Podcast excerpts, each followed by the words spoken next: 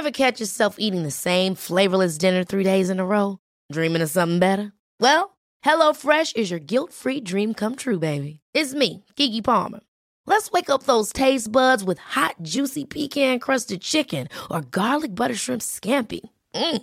Hello Fresh. Stop dreaming of all the delicious possibilities and dig in at HelloFresh.com. Let's get this dinner party started. Hey, it's Danny Pellegrino from Everything Iconic. Ready to upgrade your style game without blowing your budget? Check out Quince. They've got all the good stuff shirts and polos, activewear, and fine leather goods, all at 50 to 80% less than other high end brands. And the best part? They're all about safe, ethical, and responsible manufacturing. Get that luxury vibe without the luxury price tag. Hit up quince.com slash upgrade for free shipping and 365 day returns on your next order. That's quince.com slash upgrade.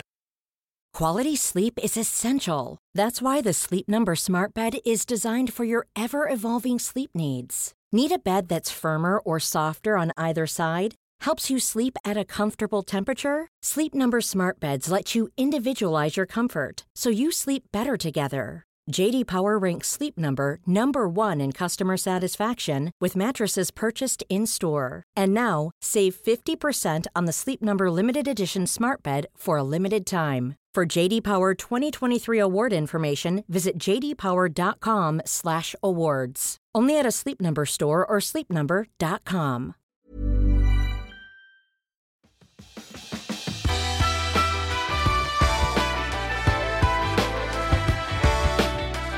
Hej och välkommen till det 21 avsnittet av Klimakteriepodden med mig, Åsa Melin. Nu ska jag träffa civilingenjören och biohackern Martina Johansson i ett spännande samtal. Martinas vällästa blogg och ett Instagram med över 20 000 följare vittnar om hur många som ser henne som en förebild och inspirationskälla vad gäller hälsa. Eh, Martina har skrivit många böcker och det var så jag faktiskt fastnade för henne för hon har skrivit en bok som heter Hormonbibeln 2.0 bland annat. Och just den boken ska vi lotta ut några exemplar av så det kommer mer info i slutet av avsnittet så missa inte det. Men nu kör vi! Då vill jag önska Martina Johansson välkommen till Klimakteriepodden. Tack så jättemycket. Vad roligt att du är här. Ja, det är jättekul att vara här. Ja, härligt. Du har ju varit i Kina väldigt länge så jag är så glad att vi har fångat dig nästan straight off the plane. Det är verkligen så. Ja, härligt. Du är, har en ganska intressant CV tycker jag. Civilingenjör i bioteknik Mhm. och biofysik. Yes. Ja. Och så har du en fantastiskt välbesökt blogg Mm. och eh, du uppdaterar den också väldigt frekvent och så har du otrolig mängd med följare både på Instagram och Facebook. Yes. Vad är det som har gjort att du har blivit så intressant? Jag vet inte, alltså jag tror det kanske har att göra med att jag är väldigt är intresserad av det jag skriver om. Jag älskar ju kost och hälsa och framförallt hormonell hälsa.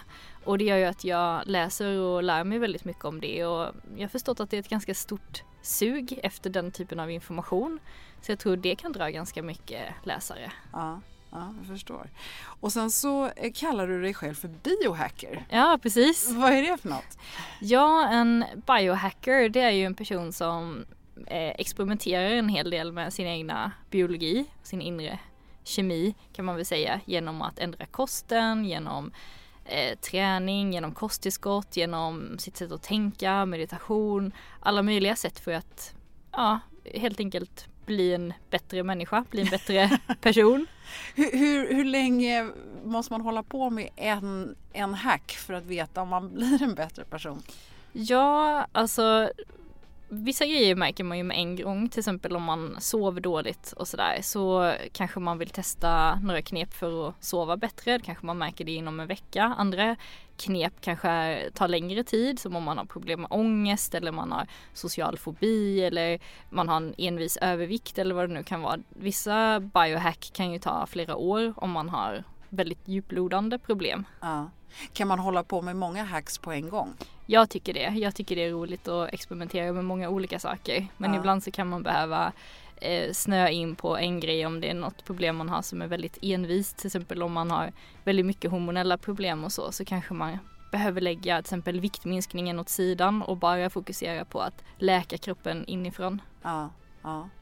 Eh, vi ska komma in lite mer på konkreta tips men det som jag tycker är spännande med dig är att du, du tar ju upp det här med hormoner och de olika funktionerna och dess verkan på ett väldigt lättbegripligt eh, sätt och jag fastnade lite grann för din, eh, en av dina böcker som heter Hormonbibeln 2.0. Mm. Eh, och det var ju helt uppenbart när man började läsa den här boken. Dels så tycker jag att det är spännande för att den kan följa kvinnan genom hela livet. Jag gav den faktiskt till min brorsdotter här i, som bara är 15 i julklapp. För jag tänker att hon kommer ha lika mycket nytta av den som min mamma skulle kunna ha. Mm. Eh, så det tycker jag är jättehäftigt. Men det som jag framförallt slogs av det är hur mycket olika hormoner vi har och hur de samspelar och, och hur delikat systemet är. Mm. Men jag är nyfiken på att liksom, hur kom du då från bioteknik och biofysik till hormoner? Ja, så steget är ju inte jättelångt egentligen för att jag har ju pluggat väldigt mycket biologi och biokemi och det har ju lite att göra med kroppen också eller väldigt mycket av det kan man ju översätta till våra biologiska system som vi har i kroppen med cellbiologi och sånt. Och eh, sen så i och med att jag ville fixa mig själv från, från början då för tio år sedan när jag började intressera mig för det här så ville jag ju ja, helt enkelt läka mina egna obalanser. Så då kombinerade jag min utbildning med ny kunskap som jag tog till, tog till mig av och jag läste på och då började min så här biohacking-resa kan man säga. Att jag började försöka fixa mig själv och lärde mig mer och mer. Så det, det, är inte ett jättestort steg men det är inte helt intuitivt att det är den vägen man kommer gå. Liksom. Nej. Men, och, och, vad var det som fick dig att förstå att du behövde lära dig mer hormoner för att fixa dig själv? Vad var det för någonting i dig själv som gjorde att du förstod det här? Var det din utbildning eller? Det var väl en, att ju mer och mer jag läste och försökte lära mig om kost och hälsa och så, ju mer förstod jag ju att eh, hormoner styr otroligt mycket. Det styr liksom allt från vår personlighet till ja, hur vi mår och att allting, alltså vi har ju kanske 50-60 olika hormoner i kroppen som reglerar precis allting. Och det första hormonet som jag blev väldigt, väldigt intresserad av det var insulin. För jag insåg att blodsocker och insulin påverkar otroligt mycket mer än vad man kan tro. Och att, de, att insulin i sin tur påverkar till exempel signalsubstanser och hungerhormoner och i sin tur även, jag menar, eh, fertilitetsproblem till exempel och sådana saker. Så det, det började med, med några få hormoner så, och sen så var jag tvungen att nästa vidare för att ta reda på hur allting hängde ihop. Ja, och, och kan man ta reda på hur allt hänger ihop? Det, det är ju så delikat hela systemet. Det är verkligen så och jag tror att eh, forskningen inte är helt i kapp om alla hormoner så att jag tror det kan vara svårt att förstå exakt hur allting hänger ihop. För det är väldigt, väldigt omfattande mängd information man måste ta del av men när man börjar observera sig själv och börjar mer experimentera med sin egna biologi som jag har gjort en del då så, eh, så lär man sig lite ungefär hur det fungerar med att man ser att man ändrar sin kost till exempel att man får andra resultat. Man kanske kan ändra sitt humör eh, eller ändra, få liksom en stabil menscykel eller vad det nu kan vara om man har problem bara genom att ändra hur man äter till exempel eller hur man sover. Ja. Eh, jag tycker också det här det är spännande för det du har läst. Är det, liksom, är det skolmedicinen eller alternativmedicin? Vad lutar du dig på mest eller vad, vad, vad, vad gillar du? Vad föredrar du? Eh, jag lutar mig nog mest på skolmedicinen skulle jag säga. Eh, för att jag jobbar som science editor och eh, ja, editerar vetenskapliga artiklar inom cellbiologi och kemi och biokemi och sånt och då är det hela tiden den senaste forskningen som jag tar till mig i mitt, i mitt yrke. Och sen använder jag den kunskapen applicerat på kroppens biologi och kemi och läser också väldigt mycket om den senaste, ja men den senaste västerländska medicinen eller vad man ska säga, den mm, senaste mm, mm. läkemedel och sånt och förstår hur de fungerar men jag tycker det är viktigt att vara öppen även för alternativmedicinska lösningar. För det finns väldigt mycket där och även i den österländska medicinen som man kan använda. Så att jag stänger inga dörrar men jag är väldigt noga med att mina böcker ska vara förankrade i den senaste vetenskapen. Mm, ja, jag förstår. Eh, vad, vad eh, när man håller på med det du gör eh, och framförallt de här slutsatserna som du drar. Så mycket, dels är det ju baserat då på artiklar och vetenskap och så vidare som du precis har förklarat men också dina egna hacks när du har experimenterat med någonting. Hur, hur olika fungerar vi människor? Om du plötsligt inser att du sover bättre för att du har gjort det här och det här. Mm. Hur, hur lätt applicerat är det på mig? Vissa av de här grejerna är ju väldigt eh, fundamentala som till exempel att vi behöver tillräckligt av sömnhormonet melatonin för att vi ska kunna sova och sova bra hela natten.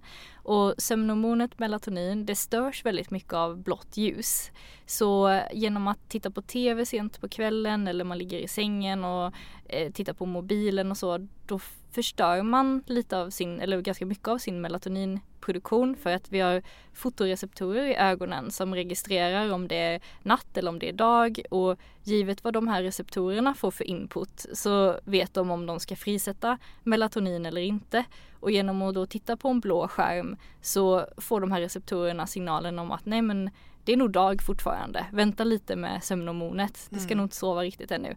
Och så, så går man från tvn och direkt till sängen och så kan man inte sova. Och så undrar man, men varför kan jag inte sova? Klockan är jättemycket, jag borde vara trött. Men hjärnan har liksom inte fått rätt signaler om att det är dags att sova. Så genom att ta bort blått ljus, genom att till exempel eh, ha ett sånt där gulfilter på mobilen eller datorn. Eller jag rekommenderar vissa att de köper ett par såna här gula glasögon från Bauhaus, bygglasögon och sätter sig och tittar på tv med dem om de ska titta sent. Och, eh, och då de som testar det här hacket då, de upplever ju förbättrad sömn nästan med en gång. För att då har hjärnan förstått att okej, det är kväll och, och eh, det är dags att varva ner och så. Jaha, okej vad häftigt. Ja det var ju så här ett billigt biohack-sätt. Ja, verkligen. Ehm, de flesta börjar ju tänka på könshormoner så fort man säger hormon. Mhm. För det är ju det östrogen och, progesteron och så vidare. Och framförallt vi kvinnor som är intresserade av eh, övergångsbesvär eller 40 till 60 som liksom är huvudlyssnarskaran här. Men det finns ju så otroligt mycket andra som du redan har nämnt. Men eh, vad, vad fyller alla de här för funktion? Det är hela kroppen som funkar genom att vi har balans i våra hormoner. Är det så? Verkligen, ja. Och även eh, hur vi mår, vårt humör, våra signalsubstanser eller neurohormoner i hjärnan, serotonin, noradrenalin, eh, dopamin till exempel, vårt, vår förmåga att fokusera och eh, ja, vår förmåga att reglera vårt blodsocker eller vad vi har för typ av fettinlagring.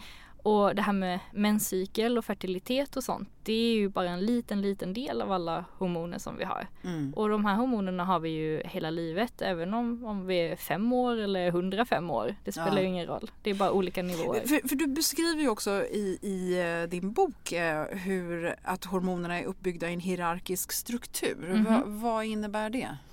Ja, det innebär, vad jag menade med det var att de bygger lite på varandra och de är beroende av varandra. Och att många hormoner frisätts i, i kedjereaktioner.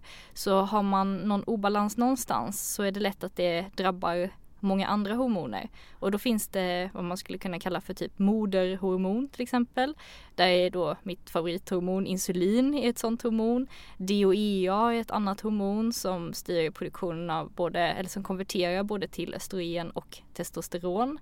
Så det finns väldigt mycket hormoner som är superviktiga, som är viktigare än alla andra hormoner för att de styr vad det blir av de andra hormonerna. Jag eller förstår, så du har, liksom, du har några då drottninghormoner kan vi Precis, säga som ja. står högst upp i toppen. Och Ja. vilka är det som, insulin har du nämnt. Insulin är viktigt. DOE, ja, ja. absolut. Eh, och eh, kortisol är ett annat viktigt. vad, vad är kortisol för något? Eh, kortisol det är ett stresshormon och eh, det kan bli så att om man till exempel är väldigt stressad så, så tillverkar kroppen eh, ja, väldigt mycket kortisol naturligtvis men att det också drabbar produktionen av progesteron. Mhm. Så att om man är kontinuerligt väldigt stressad så kan man då gå in i ett för tidigt klimakterie till exempel för att det drabbar i sin tur progesteron eh, tillverkningen. Och det är mycket sådana saker som folk inte vet hur de här hormonerna hänger ihop och sitter ihop i långa kedjor. Mm. Och, och, finns det några andra sådana här som är riktigt viktiga att hålla koll på? Och som, för om, om vi säger att man nu upplever att man har en väldig röra i hormonerna mm. eller misstänker, alltså man mår inte bra och ja. man misstänker att jag kanske skulle ta tag i mina hormoner. Mm. Vilka ska man sätta för, var, var börjar man i det här? Jag tycker ju att det det är väldigt viktigt att man går och gör, gör en liten check på sina hormoner, att man inte går och drar på det för länge. Utan att man, eh, man går till läkaren eller går till någon slags eh, provtagningsenhet, testar sina könshormoner framförallt, särskilt om man är kvinna. Eh, det är viktigt att man har typ koll på, sina, på sin menscykel, om den, att den fungerar som den ska till exempel. Om det inte gör det eller man, man misstänker att man börjar närma sig övergångsåldern på något sätt, att man faktiskt tar de här testerna och se okej okay, hur ligger jag till? Finns det några tillskott jag behöver? Kan jag behöva bioidentiskt progesteron? Kan jag behöva bioidentiskt östrogen? Kan jag, är det några tillskott jag behöver till exempel? Så att man inte blundar för de här besvären utan att man tar sig tid och faktiskt kolla upp det och att man ligger på sin läkare lite och att nu vill jag göra en check här på, på mina könshormoner till exempel eller att man håller koll på sitt blodsocker. Det är många som har eh, ja, drabbats av prediabetes eller diabetes typ 2 ganska tidigt. Det kallades ju innan för åldersdiabetes och nu går det ner i åldrarna och det kan i sin tur hänga ihop med sköldkörtelproblem och hypotyreos som också är väldigt vanligt för kvinnor, särskilt kvinnor som närmar sig 40. Mm. Mm. Om man är lite äldre kvinna då, om vi säger att man har passerat menopaus mm. och man vet att man har väldigt eh, låg produktion av både progesteron och östrogen och, och kanske också testosteronet är väldigt lågt. Mm. Vad, hur, hur yttrar det sig? Och, för jag menar det är ju ändå normalt att mm. man kommer ner på en låg nivå. Mm. Eh, är det samspelet där som är viktigt eller hur, hur, ska man tänka då? Absolut. För det första så är det ju samspelet och sen den generella hälsan tycker jag spelar väldigt stor roll för att egentligen är det inget problem att ha lågt av alla sina könshormoner om man mår bra och känner liksom att livet fungerar. Utan vad som ofta är problemet efter menopaus det är att det finns andra faktorer i kroppen som inte funkar. Till exempel man har en dålig tarmflora, man har fortfarande mycket stress i livet, kanske förbränningen har gått ner, för alldeles för passiv livsstil eller att man äter fel grejer och man har begynnande övervikt eller till och med fetma. Och de här sakerna kommer ju förvärra allting som vi kallar för eh, klimakteriebesvär. Okay. För om man tittar på eh, ja, i Asien till exempel, där har man mycket mindre, eller det är till och med ovanligt med de klassiska klimakterie besvären just för att de lever på ett lite annat sätt. De eh, är mer benägna att ta det lite lugnare och eh, mycket, mycket träning i form av yoga och även att man, ä, man äter en, ja, andra typer av livs, livsmedel när man börjar närma sig klimakteriet. Till exempel om man äter mer fytoöstrogener som soja och sånt som innehåller naturligt eh, naturligt östrogenlika molekyler och så. Så att man, man tar mer hänsyn till de olika övergångarna i andra eh, kulturer tycker jag. Och då får man också mindre av de här negativa effekterna. Mm. Just soja, jag kan inte låta bli att plocka upp det för annars är det någon som kommer kommentera om det. Ja. Soja har ju liksom uh, hate love mm. uh, för väldigt många. Berätta varför är soja lite kontroversiellt? Det är kontroversiellt för att uh, det anses innehålla fytoöstrogener och det är alltså en, en molekyl som liknar kroppseget östrogen och som kroppen tolkar som östrogen och som också passar i våra östrogenreceptorer. Och det gör ju att många unga människor och även män som äter väldigt mycket soja kan få ett, ett eh, östrogenöverskott. Och eh, det är generellt sett inte bra. Vi är generellt sett redan ganska östrogendominanta i väst. Eh, vilket gör ju att eh, det är helt enkelt inget bra livsmedel för de allra flesta.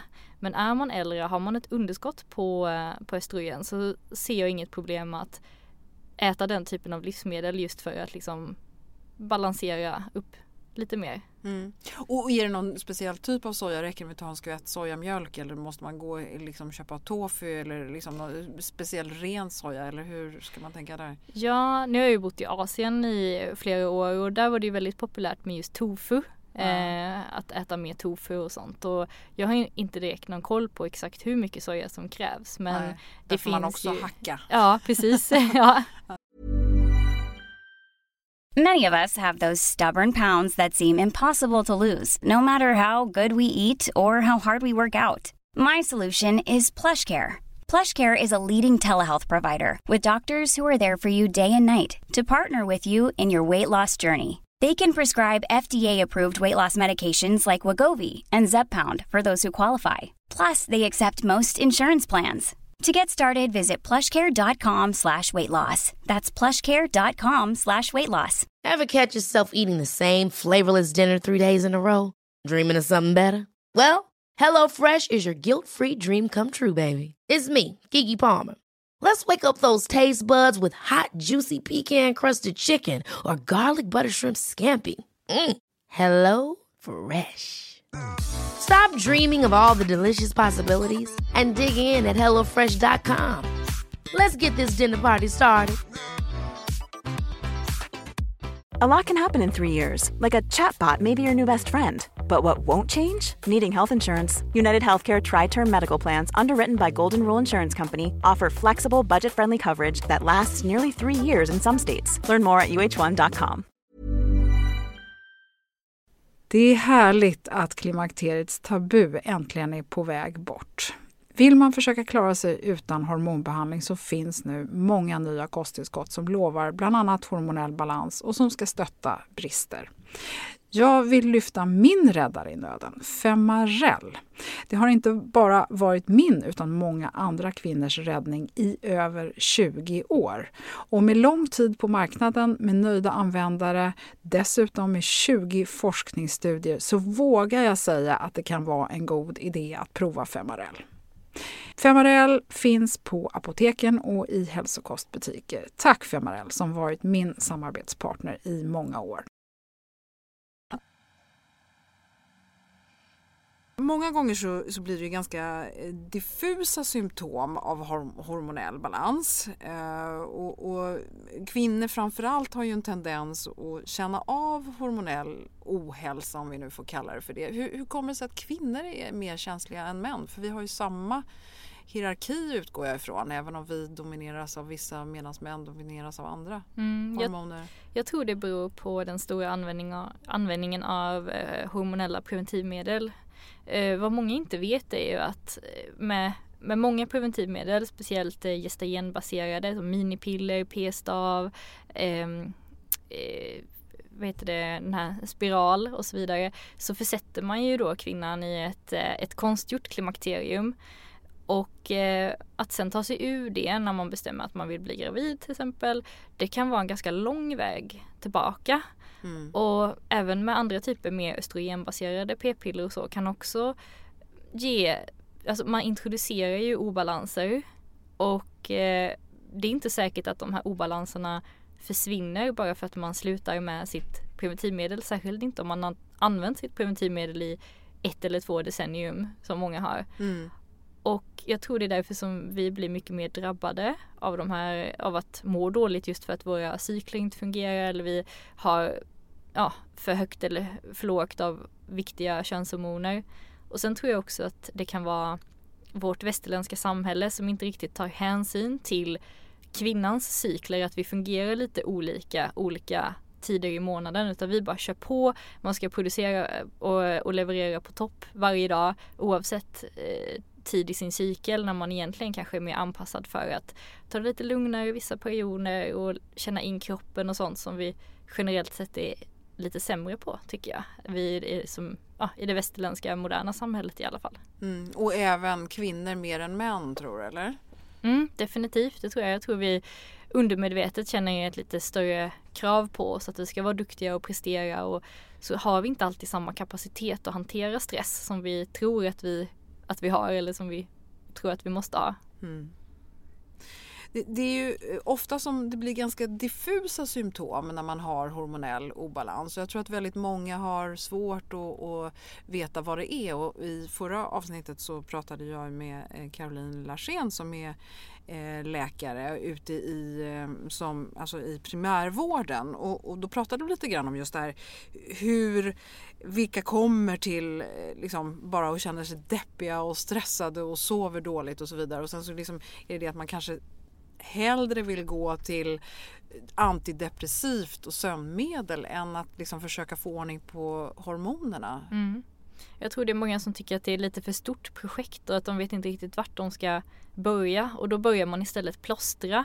Man tar antidepp och sömnmedel och alla möjliga olika mediciner för att lappa och laga men vad få inser är ju att man fixar ju egentligen ingenting utan man försöker ju bara skjuta undan symptomen.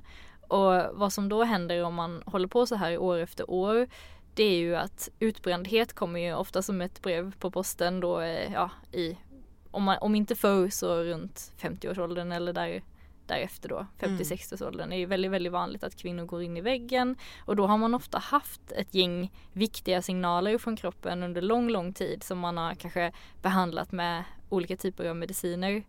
Och mitt tips här är ju att verkligen försöka ta kroppens signaler på allvar. Känna efter hur det är man mår och känner. Om det känns som att man inte mår bra, att oavsett vad läkaren säger, jag, har, jag som bloggar och, skriver och är väldigt aktiv online och pratar väldigt mycket med mina läsare har ju förstått att det är många som mår dåligt och kanske går till läkaren och kan inte kanske riktigt förklara eller sätta fingret på sina symptom. Och läkaren förstår inte riktigt heller och man gör lite tester men det är inget som sticker ut. Så patienten går då hem igen och får, har inte fått någon riktig hjälp och det fortsätter så. och Då kanske det är lätt hänt att man, ja ja men jag kanske bara är deprimerad eller ja ja jag kanske, det kanske är sköldkörteln eller sådär. Fast att det är mer djupgående problem egentligen som ligger bakom. Mm. Och då kommer vi liksom tillbaka till det här, vad fasen ska man ta tag i först? Var, var börjar man i hela det här då? Om, om, vi, om man nu bestämmer sig för att okej, okay, nu ska jag inte ta några mediciner, jag ska inte ta några östrogener, jag ska inte göra någonting, jag ska bara försöka må bra. Mm. Hur, hur gör man då? Vi säger nu att man har bestämt sig för nu ska jag faktiskt en gång för alla ta tag i det. Ja, alltså jag skulle säga att de flesta människor har problem med tre saker. Det första är kosten, det andra är sömnen och den tredje är sina stressnivåer. Och om man då tittar på kosten till exempel så är det väldigt många som, eh, nu är det väldigt mycket kostintresserade människor i Sverige just och många som är väldigt medvetna men samtidigt så är det också väldigt många som dricker alldeles för mycket kaffe eh, som stressar på kroppen i onödan för att kompensera för bristande sömn. Ehm, man äter alldeles för mycket snabba kolhydrater, jättemycket socker, jättemycket gluten som är känt för att irritera tarmslemhinnan och sänka immunförsvaret och eh, får inte riktigt i sig alla näringsämnen, mycket färdig mat och färdiga rätter och sånt. Och naturligtvis eh, allt fikabröd, godis, läsk och så vidare. Är man en person som har lite dragning åt den här typen av mat så ta en, ta en ordentlig titt på vad det är du får i dig varje dag och gör en bedömning. Är det här någonting som hjälper eller skälper min hälsa? Det finns oftast väldigt mycket man kan göra för att förbättra hälsan bara genom att ta bort de värsta bovarna. Försöka ta bort eh, till exempel då snabba kolhydrater eller ta bort så mycket kolhydrater som möjligt som inte är ja, en bra, ett bra livsmedel. Ta, bort, ta gärna bort eh, så att det inte är för mycket mejerier. Ta gärna bort så att det inte är för mycket bröd utan så att det är mer kost som liknar vår mer ursprungliga föda med ja, mycket grönsaker, ja, kött, fisk, ägg, kyckling och så vidare. Det är inget problem att vara vegetarian eller vegan om man gör det snyggt och håller sig till rena livsmedel utan mer att man försöker gå lite back to basic och undviker de processade livsmedlen och inte ha så mycket, eh, så mycket konstgjord mat som vi har i mathyllorna idag. Men, men eh, det, är, det är ju väldigt, alltså vi har ju blivit pumpade med det här nu länge. Jag tror att nästan alla vet vad är det som är nyttigt och vad är det som är onyttigt. Alla fattar att det inte är bra att dricka två liter läsk om dagen. Ja. Och så vidare. Och om man nu lyckas ta tag i det här, då, vi säger att man liksom rensar ur kosten. Och så, hur länge måste man vänta innan man börjar känna att man mår bra tror du?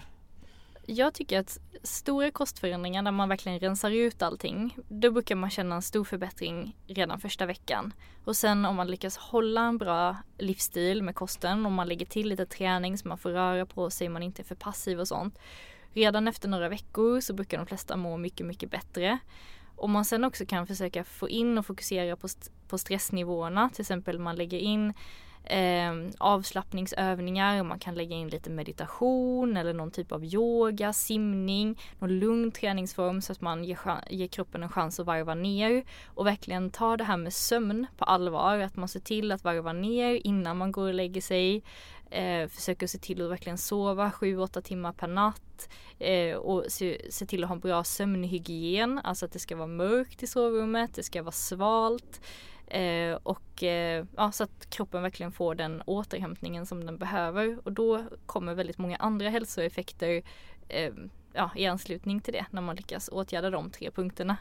Mm. Jag vet att du eh, är redaktör på tidningen, eh, den heter LCHF-magasinet va? Mm, precis. Och, och, och, där har ni en äldre läsekrets, mm. även om man kanske inte tror det. Mm. Är det något speciellt där som du hämtar den här informationen eller den här in, intrycket ifrån? Mm, jag hämtar mycket inspiration från mina äldre kompisar och även våra äldre läsare och sånt och förstår mycket just vad det är för hormonella problem som äldre personer har. Det är ju dels är det ju kanske en eh, försämrad eh, förbränning, en försämrad blodsockerreglering men också just hur könshormonerna spelar in och hur den här stressen över att inte återfå den där kroppen som man, har, som man vill ha och vilka faktorer som ligger bakom det och sånt. Så att, eh, det är väldigt intressant och det blir mer och mer komplext ju äldre man blir tyvärr. Så det, det ja. blir inte lättare. Nej men för jag tänker så, precis det du är inne på nu. Man, det, kanske, det ska ju vara så härliga dagar de här när man liksom är 60 plus och det kanske inte är ett dugg härligt för att man är inte ett dugg nöjd med sin kropp och sig själv och sitt mående och sin man och sitt hus och sin partner och sina barn.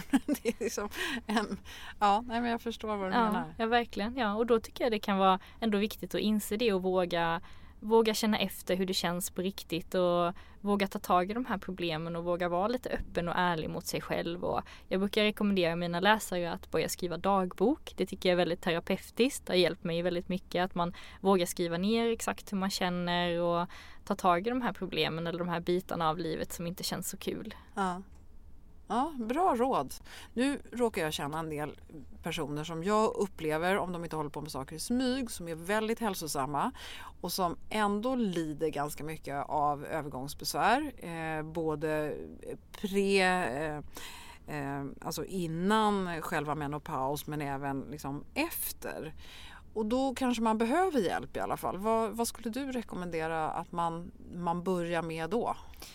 Alltså, jag skulle vilja rekommendera att man tittar på de bioidentiska alternativen. Att man är lite försiktig med de syntetiska hormonerna och att man istället eh, går på de mer bioidentiska alternativen som eh, ja, naturligt progesteron eller naturligt östrogen, till exempel bidrottninggelé eller progesteronkräm som är snällare mot kroppen just eftersom de bryts ner snabbt medan de syntetiska hormonerna har en tendens då att eh, öka risken för cancer eftersom de inte bryts ner.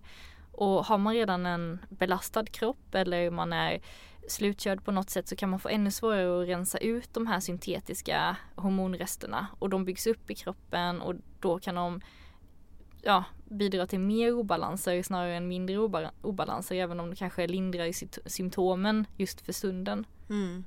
Okej.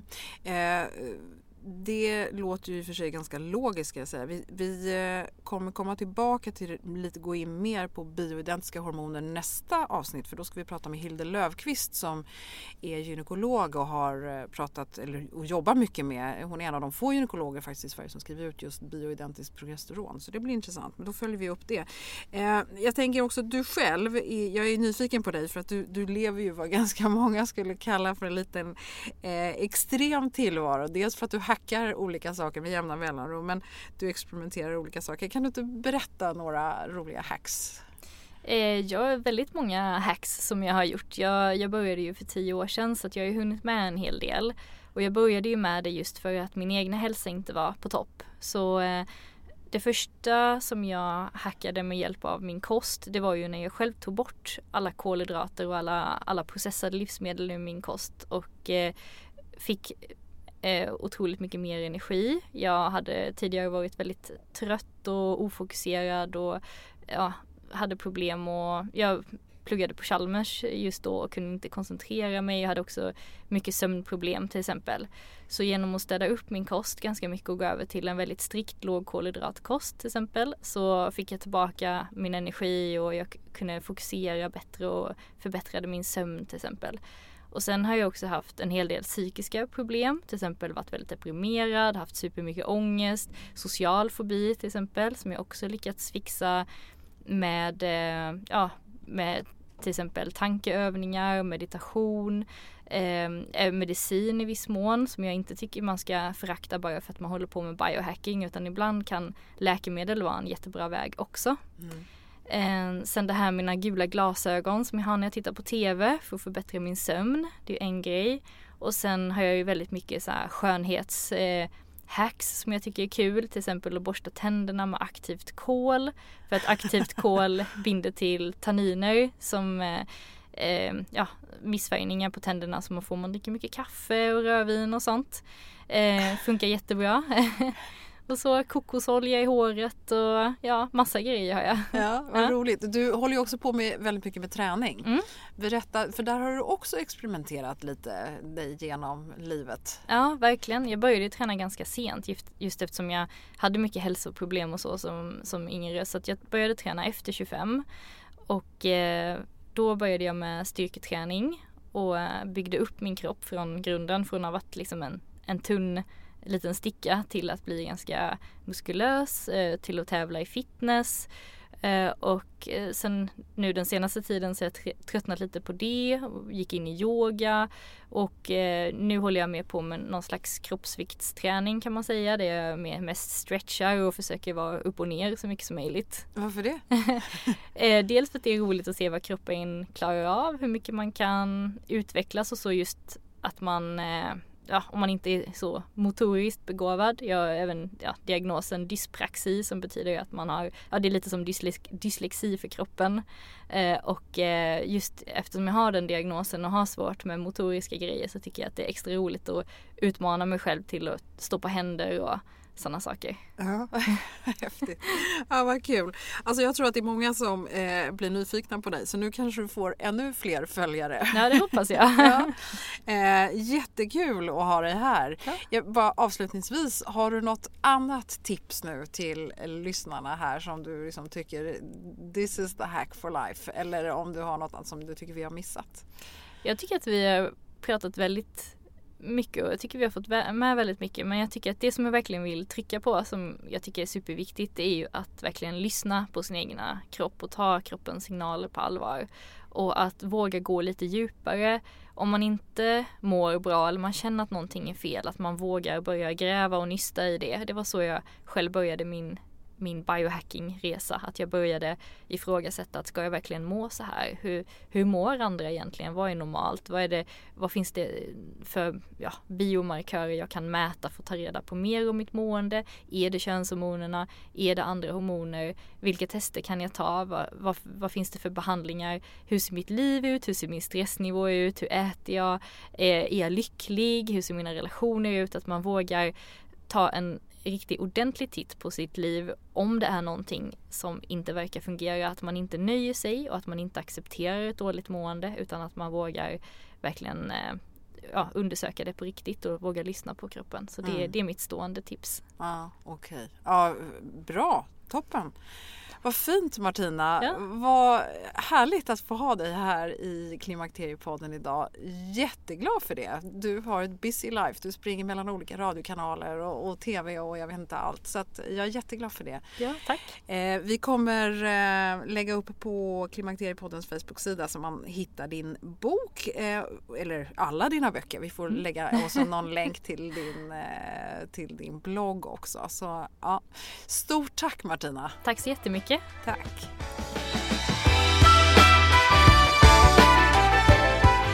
Ja, jag fick så mycket energi av att träffa Martina. Ung, smart och full av nyfikenhet. Hennes bok Hormonbibeln 2.0 kan jag verkligen rekommendera eftersom den på ett begripligt sätt förklarar en massa om hur vår kropp fungerar. Och eh, Martina hon har varit så snäll och hon har skänkt några exemplar som vi nu lottar ut. Allt du behöver göra är att gå in på Klimakteriepoddens Facebook-sida och om du inte redan gör det, gilla sidan och sen så ska du dela minst tre avsnittsinlägg med dina Facebook-vänner. Och eh, sen får du skicka ett mail till info.klimakteriepodden.se och säga att du vill vara med i tävlingen.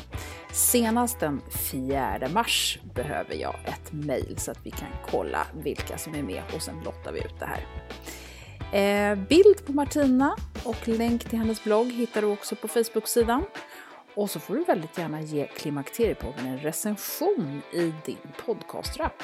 Det hjälper jättemycket för poddens tillväxt. Om och om igen så har vi hört bioidentiska hormoner nämnas. Och nu är det dags att reda ut vad det är en gång för alla. Så i nästa avsnitt så får vi träffa Hilde Löfqvist. Hon är gynekologen som gjort sig känd för att stå på barrikaderna för bioidentiskt progesteron bland annat. Trots att hon måste ansöka till Läkemedelsverket och ange skäl för varje patient så kämpar hon på. Hör om varför i avsnitt 22.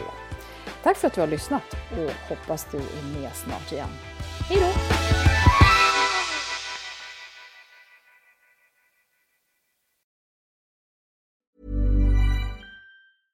Ever catch yourself eating the same flavorless dinner three days in a row? Dreaming of something better? Well, HelloFresh is your guilt-free dream come true, baby. It's me, Kiki Palmer. Let's wake up those taste buds with hot, juicy pecan-crusted chicken or garlic butter shrimp scampi. Mm. Hello Fresh. Stop dreaming of all the delicious possibilities and dig in at HelloFresh.com. Let's get this dinner party started. Even when we're on a budget, we still deserve nice things. Quince is a place to scoop up stunning high-end goods for 50 to 80% less than similar brands. They have buttery soft cashmere sweaters starting at $50, luxurious Italian leather bags, and so much more. Plus, Quince only works with factories that use safe, ethical, and responsible manufacturing. Get the high-end goods you'll love without the high price tag with Quince. Go to quince.com/style for free shipping and 365-day returns. Imagine the softest sheets you've ever felt. Now imagine them getting even softer over time. That's what you'll feel with Bowl and Branch's organic cotton sheets. In a recent customer survey, 96% replied that Bowl and Branch sheets get softer with every wash. Start getting your best night's sleep in these sheets that get softer and softer for years to come. Try their sheets with a 30-night guarantee. Plus, get 15% off your first order at bowlandbranch.com. Code BUTTERY. Exclusions apply. See site for details.